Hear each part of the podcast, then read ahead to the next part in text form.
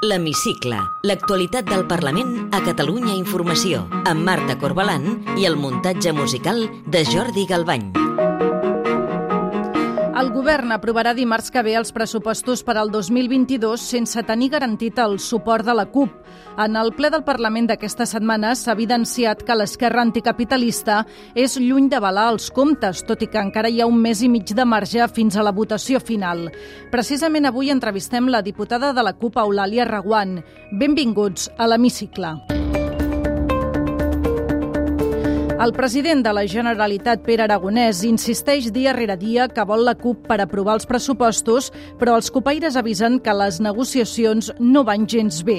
Malgrat mantenir-se ferm en la seva aposta, Aragonès i la diputada de la CUP, Dolors Sabater, s'han enganxat a la sessió de control d'aquesta setmana per uns altres pressupostos, els de l'Estat. En un to agre, Sabater ha criticat que Esquerra hagi permès la tramitació d'aquests comptes al Congrés i Aragonès li responia que a la sessió de control s'hi va a fiscalitzar el president. No li sembla una autèntica presa de pèl? Negociar amb el PSOE els pressupostos pel 2022, els pressupostos de l'Estat, en base als incompliments dels acords del pressupost del 2021? Aquesta és una sessió de control al president de la Generalitat, no és una sessió de control als 13 diputats d'Esquerra Republicana de Catalunya al Congrés de Diputats. Tot i que no té lligat el suport de la CUP, Aragonès fa el sort a qualsevol proposta del PSC i dels comuns per negociar els pressupostos.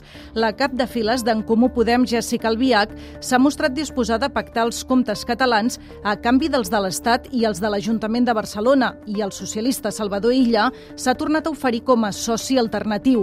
Aragonès, però, ha obviat els oferiments. Avui la proposta que faig és molt senzilla, però alhora és molt engrescadora, i és que ens comprometem totes i tots els que estem aquí a tindre pressupostos arreu. Celebro la notícia que avui vostè ens ha donat, entenc que de forma oficial, perquè s'està adreçant als representants de la sobirania de Catalunya, de que la setmana vinent remetran a aquesta cambra els pressupostos. Cinc mesos després de la seva investidura ja era hora. Sap també vostè que el meu grup vol facilitar que, aquest, que, aquest, que el govern de Catalunya tingui els pressupostos. Els portarem aquí per aplicar el programa d'investidura que va rebre el suport dels grups parlamentaris de la CUP, de Junts i d'Esquerra Republicana i, per tant, apelo a aquests grups a donar suport. El diputat de Ciutadans, Carlos Carrizosa, i la diputada del Partit Popular, Lorena Roldán, han carregat contra el PSC per oferir-se a donar suport als pressupostos. El Partido Socialista está haciendo la oposición que desearía cualquier gobierno. El señor Illa dice que hay que estar a la altura y realmente va a estar a la altura, a la altura de lo que espera el gobierno, que es que le apoye los presupuestos. Está claro que no son gobierno ni son alternativa, pero lo que sí son es desde hace mucho tiempo la marca blanca de Esquerra. En plena negociació dels pressupostos, els catalans i els espanyols, des de Junts per Catalunya, Albert Batet ha anunciat que portaran al Parlament la petició de crear una comissió que quantifiqui el deute històric de l'Estat amb Catalunya. L'independentisme hem d'aprofitar arreu amb tota la força per exigir i aconseguir els recursos que Catalunya genera i que els catalans i les catalanes es mereixen. Els pressupostos entraran al Parlament la setmana que ve després que els aprovi el govern. Començarà aleshores la tramitació parlamentària fins a l'aprovació definitiva, prevista en principi a finals de desembre. Una setmana més, el debat sobre la seguretat pública ha tornat a ser present a l'hemicicle. S'ha aprovat una moció d'Esquerra consensuada amb Junts per Catalunya de suport als Mossos d'Esquadra després del malestar al cos. La votació d'aquesta moció ha tornat a distanciar la CUP dels socis de govern. Precisament els copaires presidiran la comissió parlamentària que estudiarà el model policial i que hauria de servir, per exemple, per revisar els protocols d'actuació dels Mossos. La seva presidenta, Dolors Sabater, feia aquesta petició als grups el dia que es constituïa la comissió. Veient una mica com ha anat tota la prèvia fins a arribar al dia d'avui, que, avui, que aquesta comissió no sigui utilitzada amb un ús partidista. Pel que fa a l'activitat legislativa, el Parlament ha donat llum verda a començar a tramitar la primera llei de la ciència que tindrà Catalunya. Un dels seus principals objectius és retenir fer tornar el talent i també augmentar la inversió en investigació. També ha començat aquesta setmana la tramitació d'una proposició de llei presentada per la CUP per a la internalització del transport sanitari.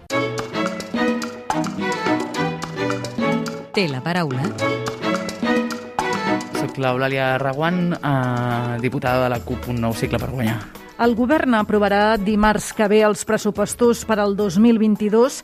El president Pere Aragonès insisteix que els vol aprovar després al Parlament amb la CUP, però vostè mateixa ha donat senyals aquests últims dies que les negociacions no van bé.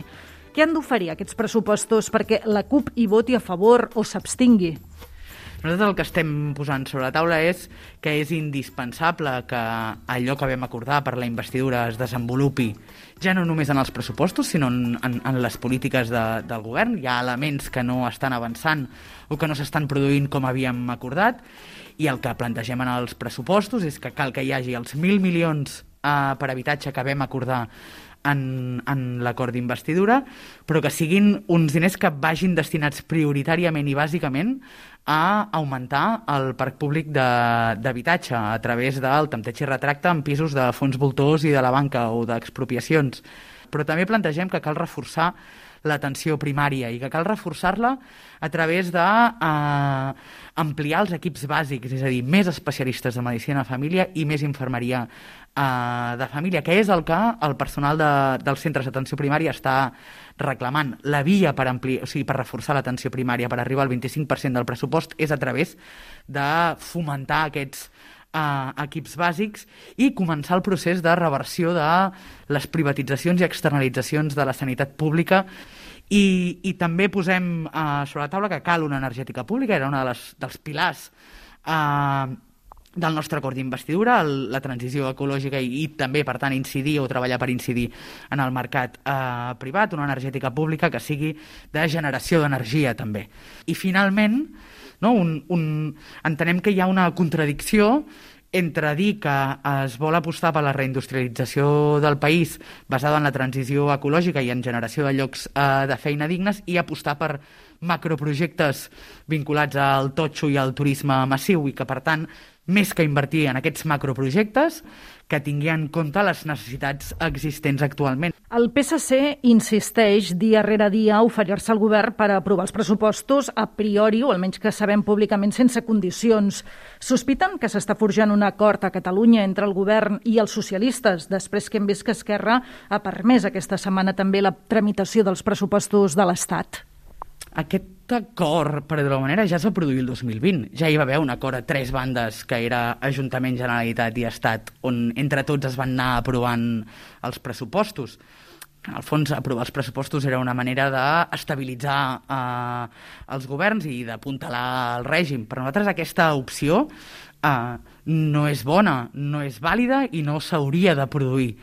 El que entenem no, és que eh, els pressupostos de la Generalitat han de fer un gir a l'esquerra, han d'apostar per eh, garantir drets concrets a la gent, aquells drets que cada dia la gent veu com, com són vulnerats, com és el dret a l'habitatge o, o els subministraments, i a vegades ens preguntem si a aquest govern li costa tant fer aquest gir Ah, sí, és perquè en el fons està pactant amb el Partit Socialista, que ja veiem també en les polítiques que fa l'Estat, que garantir drets com el dret a l'habitatge o els subministraments no ho fa. Per tant, no descarten que eh, pugui haver-hi un acord de pressupostos amb els socialistes? Nosaltres eh, no ho descartem perquè veiem eh, les polítiques que es proposen i amb qui les aproven veiem en el debat de política general on bàsicament Junts i Esquerra van aprovar moltes més propostes del Partit Socialista que de qualsevol altra força política. Per tant, el xantatge aquest de o vosaltres o el PSC eh, tampoc el comprem perquè té a veure amb quines polítiques volen fer. Volen fer les polítiques que contentin el Partit Socialista o volen fer les polítiques que responguin a les necessitats de la gent per aquest país? Aquesta és la pregunta que el govern ha de contestar. Tot i que eh, som pessimistes pel que fa a la negociació dels pressupostos, sí que veiem que aquests dies hi ha negociacions entre la CUP i el conseller d'Economia, o fins i tot amb el president de la Generalitat. Per tant, a priori, com ens deia, semblen disposats a seguir asseguts a la taula negociant. Això vol dir que mm, descarten presentar una esmena a la totalitat? Nosaltres volem uh, estar a la taula intentant treballar per aconseguir que els pressupostos responguin a tot el que he dit fins a l'últim moment que veiem possible. També hem de definir quins marges hi ha. No? Nosaltres ni descartem ni no descartem. Mm, la setmana que ve Uh, el dia 9 el govern aprova els pressupostos i a partir d'aquí prendrem uh, les decisions que, que considerem en funció de com hagin evolucionat les converses, quina sigui la proposta final que hi ha uh, sobre la taula i quins marges veiem que tenim per, per fer virar no? uh, les polítiques cap, a, cap als objectius que ens havíem marcat nosaltres i que s'havia marcat aquest, aquest govern també. Per tant, entenc que si veuen marge de negociació i d'acceptar les seves demandes, mm, descartarien presentar-la, aquesta esmena a la totalitat. Podria ser, ho decidirà la militància. També plantejo, nosaltres quan, quan posem sobre la taula elements pels pressupostos, ja no són les nostres demandes, són allò que l'acord d'investidura eh, vam, vam establir. A dia d'avui se'n penedeixen d'haver facilitat la investidura de Pere Aragonès? No ens en penedim, creiem que és necessari per aquest país un, un viratge a, a l'esquerra i que es reflecteixi aquesta majoria independentista i, per tant, eh, creiem que vam fer el que tocava en aquell moment. La CUP va pactar amb Esquerra en el marc del pacte d'investidura que el president aragonès se sotmetés a una qüestió de confiança a mig mandat. Ara mateix la superaria? Ara mateix hauríem d'avaluar-ho i analitzar-ho, però és evident que, eh, que estem veient una sèrie de coses que estan a l'acord d'investidura que no estan passant. Per tant, seria difícil. La votació dels pressupostos eh, seria una primera qüestió de confiança que plantegen a Pere Aragonès? Sí, de fet, l'acord d'investidura establia un, un, una consolidació de confiances, que sí que és cert que es materialitzava amb, amb l'eina de qüestió de confiança al, a, mig, a mig mandat, a mitja legislatura, però que havia d'anar superant diferents elements i havíem d'anar no, mm, reteixint confiances que els darrers anys s'han perdut en el marc de tot l'independentisme. Per tant, es podria entendre així, sí. Si li sembla bé, ens endinsem ara en el terreny més personal. i demano si pot contestar amb respostes al màxim de breu possibles. Vostè és llicenciada en matemàtiques. Quina relació tenen les matemàtiques amb la política, si en tenen alguna? En tenen en lògica de com s'organitza el cap, per dir-ho d'alguna manera. Digui'm dos adjectius que millor la defineixin. Tossuda i constant. Quina música posaria la situació política actual? Aquesta és complicada. Seria una cançó una mica depriment i no me'n ve cap al cap. Amb quin diputat o diputada que no sigui del seu grup compartiria una sobretaula distesa? Compartiria amb una de les persones represaliades eh, de, per l'1 d'octubre, seria Josep Maria Jové. Quin és el seu paisatge favorit? Un paisatge del Kurdistan, de les muntanyes del Kurdistan. Recorda que volia ser de petita? Paleta per construir-me a casa meva. I ja per acabar, completi la frase següent. El que més m'agradaria del món és... Que s'acabessin a les injustícies. Eulàlia Reguant, portaveu de la CUP, un nou cicle per guanyar el Parlament. Gràcies per atendre'ns a l'hemicicle de Catalunya Informació. Gràcies, que vagi bé el cap de setmana.